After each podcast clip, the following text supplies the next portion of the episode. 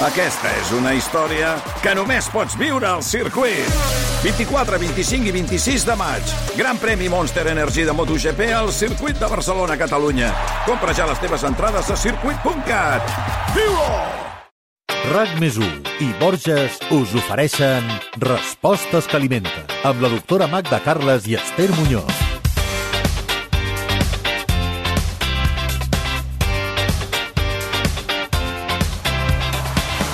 Parlem poc, però hi ha persones més de les que creiem que tenen un pes insuficient i que els agradaria guanyar uns quilos. Encara que hi ha models estètics que promouen el pes baix, estar massa prim no és cap meravella. Quan falta pes, no tan sols pots tenir un problema estètic, també això pot comportar problemes de salut. Quan hi ha un dèficit de pes, per què passa això? Hi ha alguna dieta específica per guanyar quilos? El 55è podcast de Respostes que alimenten té com a objectiu no només ajudar a tenir més pes, sinó també servirà per trobar-se millor.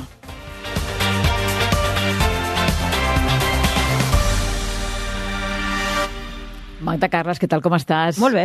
Un tema, el d'avui, que tu t'hi trobes eh, uh, a la consulta. Mira, jo estic encantada de parlar això avui, perquè parlem tant dels quilos de més i de la gent en sobrepès que hi ha persones que queden com arraconades i no sempre el problema són quilos de més, també poden ser quilos de menys, que també és un bon problema, encara que no ens ho creiem, eh? Uh -huh. a, a quin nivell estan? Tant com les persones que els ha sobrepès, no. eh, molt uh, menys... D'entrada perquè hi ha molta menys gent que té quilos de menys que no uh, accés, eh? En el nostre mitjà, evidentment, si ens anem a als, als països subdesenvolupats, doncs el problema de la desnutrició és un problema gravíssim, no? Però no estem parlant d'això.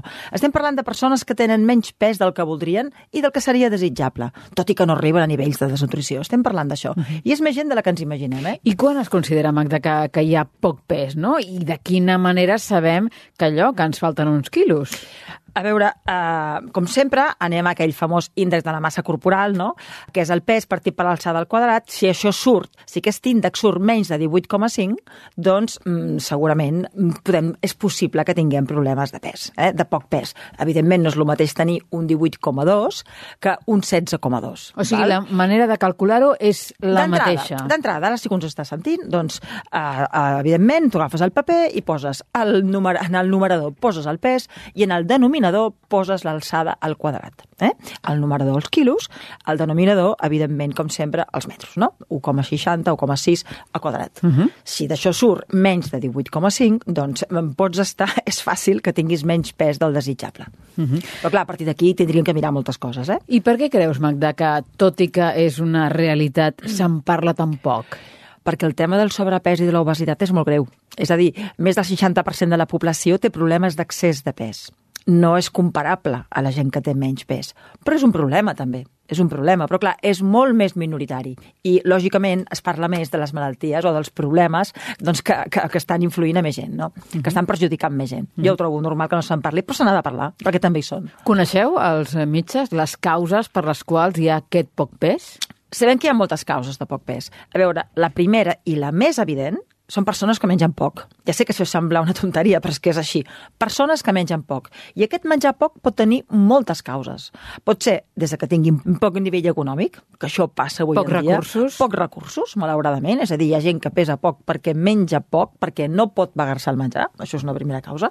Pot haver-hi també un trastorn de comportament alimentari. De fet, quan un baixa de pes, doncs, si és d'una forma molt sobtada i és una persona jove i veiem que està molt preocupada pel tema de l'estètica, podríem pensar ha d'haver-hi altres coses i un dia podem parlar, si vols, d'això. Però podria ser també una altra causa.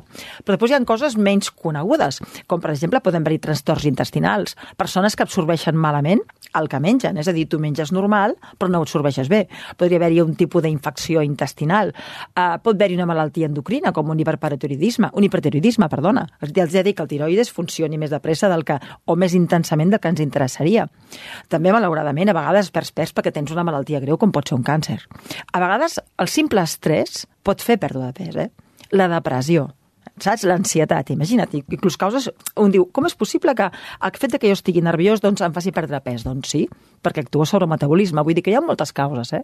Inclús a vegades la presa de drogues, de segons quin medicament. Hi han coses de pèrdua de pes. Ara, clar, el que ens ha de sobtar més és quan veiem que hi ha de pèrdua de pes ràpida i que fins ara no havíem tingut aquest problema. Aquí això és el més, el més interessant. Clar, si hi ha persones que ja des de sempre han estat molt primes, doncs hi ha un component genètic que és més tranquil·litzador. No és el mateix estar prim des de sempre que tu tinguis un pes normal i de cop perdis pes. Clar. Aquest segon cas és el que ens ha d'alterar més. Clar, clar, si notem que hi ha un canvi no, a la nostra Evidentment, situació, evidentment. vol dir que potser alguna cosa que no és normal està passant. Exacte. A veure, hi ha causes evidents. Si jo, per exemple, tinc una infecció intestinal i he tingut aquí una, una diarrea crònica, és lògic que perdis pes. Primera, perquè perds aigua i segona, perquè hi ha realment una mala absorció de nutrients. Si de cop t'han descobert una celiaquia, que és un problema també que causa una mala absorció de nutrients, doncs un, un, un malalt no tractat de celiaquia també pot ser que tingui una pèrdua de pes, saps? Un síndrome de colon irritable greu també pot fer-ho, això. Fins i tot una diabetis tipus 1. Vull dir que ja hi ha malalties eh, que, que tenen aquest, aquest problema. Has parlat sobretot a l'inici de menjar massa poc, no? Exacte, El fet de exacte. menjar massa poc em fa que, que tinguem poc pes, no? Què seria per tu menjar massa poc, no? A veure, per cada persona pot ser diferent, perquè tu ja saps que s'ha de menjar segons la nostra edat, la nostra alçada, el nostre pes, la nostra activitat física i el nostre metabolisme. Vull dir que no és tan senzill. Com sabem que estem menjant pel que necessitem? Això. Doncs mira, quan, quan el nostre pes... A veure, sabem que estem menjant almenys les calories que necessitem. Doncs quan el nostre pes no va ni amunt ni avall, quan estem estables, Equilibrats. Aquí, vol dir que energèticament, energèticament estem fent el que s'ha de fer. Un pot prendre les calories que ha de prendre, però potser no menja bé. Això és una altra cosa. És a dir, jo puc tenir el pes que he de tenir i estar anèmic, no? O tenir colesterol elevat, d'acord? O tenir els triglicèrids elevats i tenir un pes que està bé. Per tant, eh, l'únic que ens diu que el pes no es mogui, que la balança no es mogui, és que a nivell d'energia la nostra dieta és correcta. Ara, evidentment, si veiem que, si veiem que eh, cada vegada anem perdent més pes eh, amb el que mengem, vol dir que la nostra dieta, òbviament, és insuficient. Mm -hmm.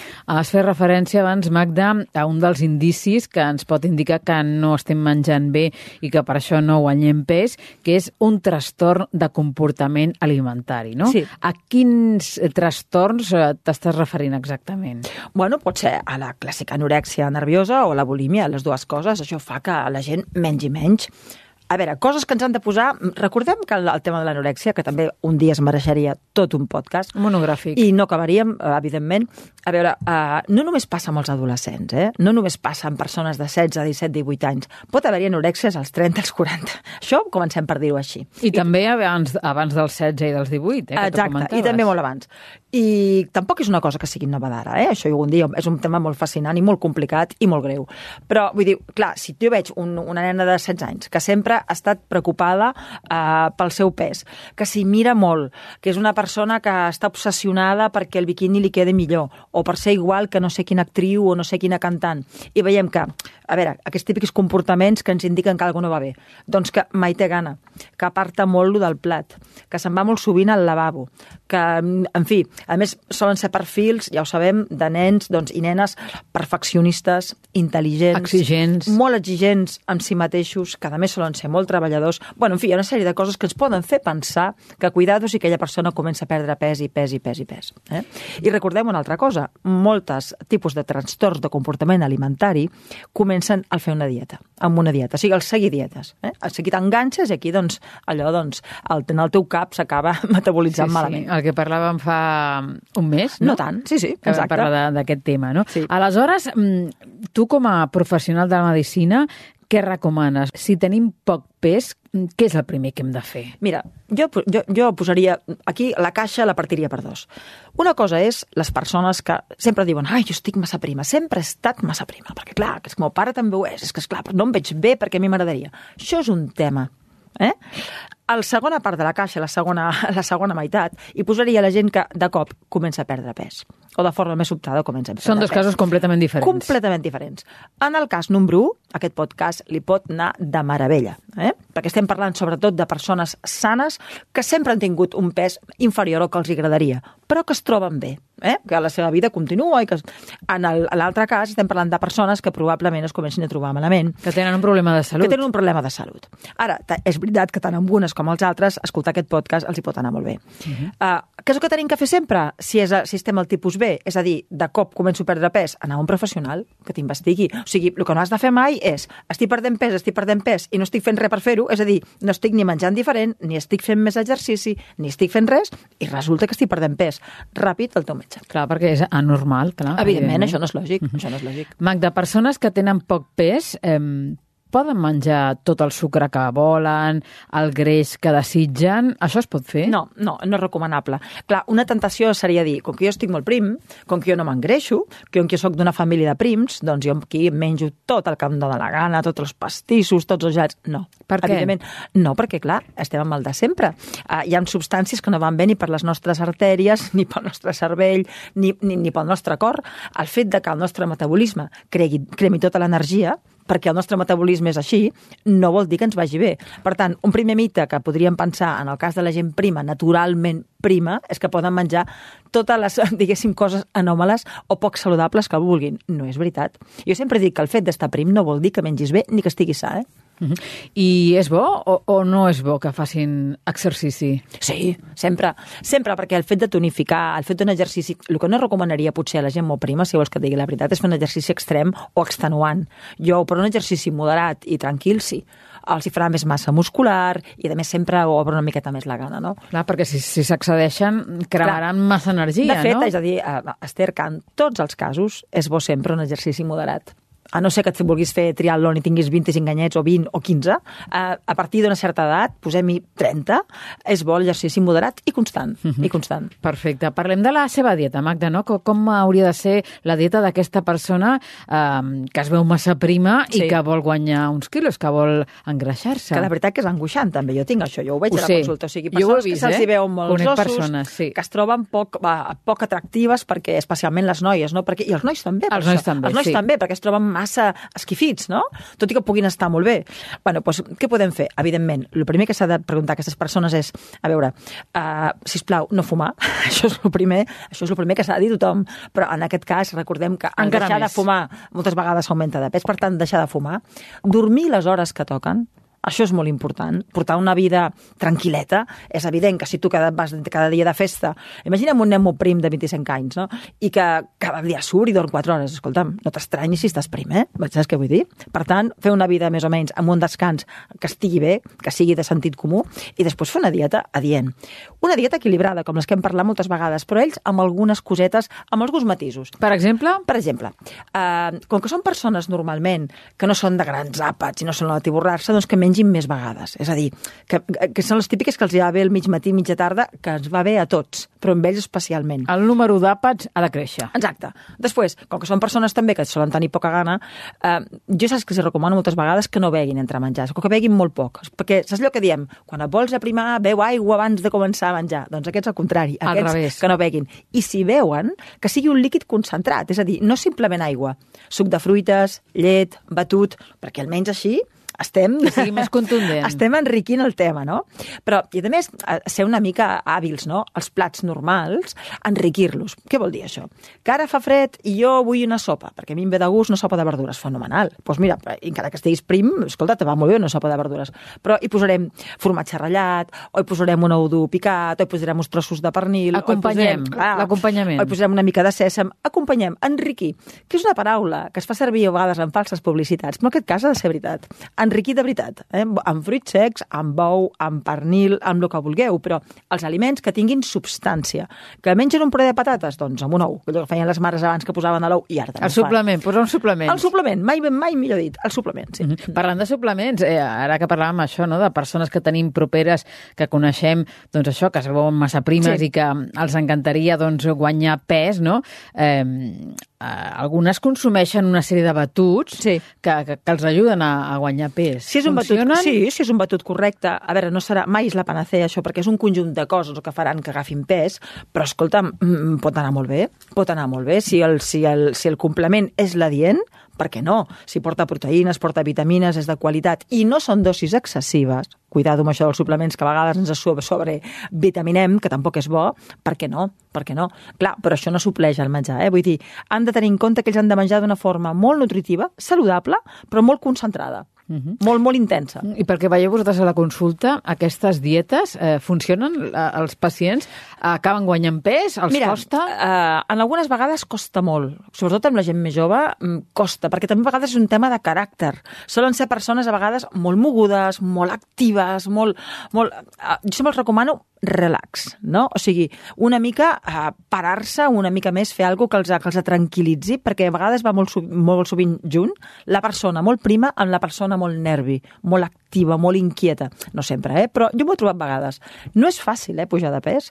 Eh, llavors han d'agafar una sèrie de mesures i amb el temps acaben guanyant pes. Amb el temps acaben guanyant pes, i tant que sí. Existeixen, Magda, medicaments per tenir més gana? Sí, el que passa que també tenen els seus efectes, esclar, vull dir, jo no recom... jo, em, excepte en casos de nens molt desnutrits o en casos de nens que tenen un problema greu, no recomano aquest tipus de medicaments, jo. Jo sempre sóc antifarmacològica, tot i que sóc metge, perquè si tot el que puguem fer per mètodes més naturals ens en sembla més, més intel·ligent, no? Mm -hmm. I parlant de nens, eh, els hem de donar, per exemple, més dolços?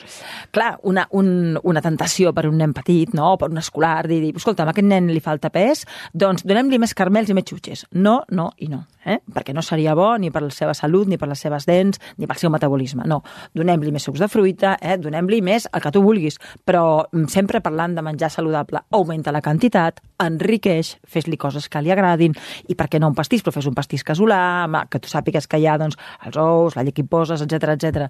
De veritat, tot el que nosaltres controlem, el que donem, millor que millor. Ho hem dit moltes vegades, en molts casos. Va bé saber què tenim al plat. Mm -hmm. I això serà de per vida, ja?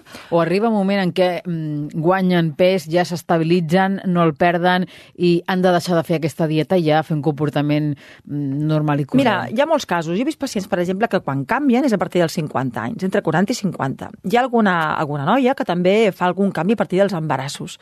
També a vegades guanyen pes a partir d'un canvi d'estil de, d'estil de vida, no? O quan es tranquil·litzen. Vull dir, igual que trobem casos que a partir d'un canvi vital t'engreixes, també t'engreixes, també he vist casos de gent amb poc pes que ha augmentat de pes doncs, amb l'edat. A veure, amb l'edat això sol millorar, per què?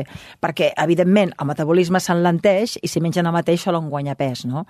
Però no et pensis, eh? Hi ha gent que està prima tota, la, tota la seva vida. Per això els recomano molt que, que musculin, és a dir, que es tonifiquin la musculatura, perquè no és el mateix estar prim amb una base muscular adient, que se't veu saludable, se't veu bé, que se't vegi esquifit, sense musculatura.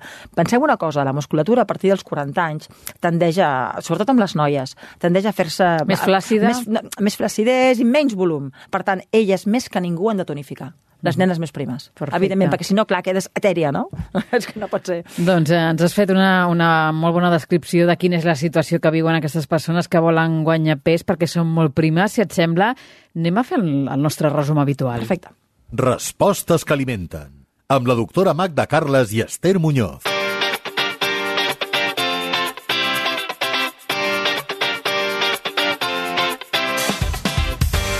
És moment d'acomiadar-nos, però no ho farem, Magda, sense enviar un missatge als nostres oients, aquells que estan molt prims i volen guanyar pes, no? Què els diries? Quin missatge els enviaries? Mira, que, que, que sabem qui són, que tranquils, que també pensem en ells, que és veritat que hi ha molta gent que no se sent bé perquè té poc pes. Aquesta gent que els diria, doncs mira, primer que s'ho agafin amb calma, que guanyar pes no és fàcil, no sempre és fàcil, que descansin, sobretot que no fumin, que mengin bé, que mengin a mig matí i a mitja tarda, que, farin, que facin diversos àpats, que no beguin molt durant les menjades, que facin plats enriquits, és a dir, no enriquits en quant a greix de qualsevol tipus, sinó amb aliments nutritius, i que posin molta paciència. També la gent molt nerviosa li diria que es tranquil·litzi, que això també fa guanyar pes. Mm -hmm. És a dir, eh, es pot fer, eh, guanyar pes, però ja adverteixo, no és un tema senzill si es vol fer de forma saludable. No és fàcil, però és possible. I tant, i Magda, tant. i una recepta, una recepta senzilla per a aquells que no els agrada massa passar molt de temps o que no en tenen a la cuina. Mira, uh, si no vull passar gaire temps a la cuina, la truita a la francesa la trobo divina.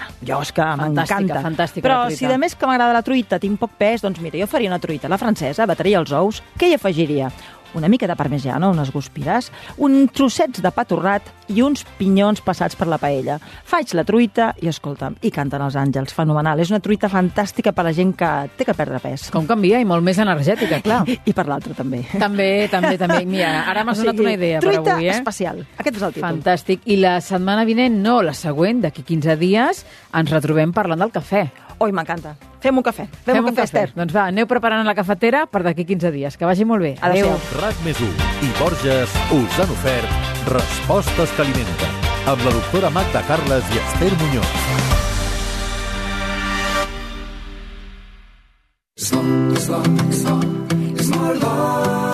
Cuidar-se és el més important.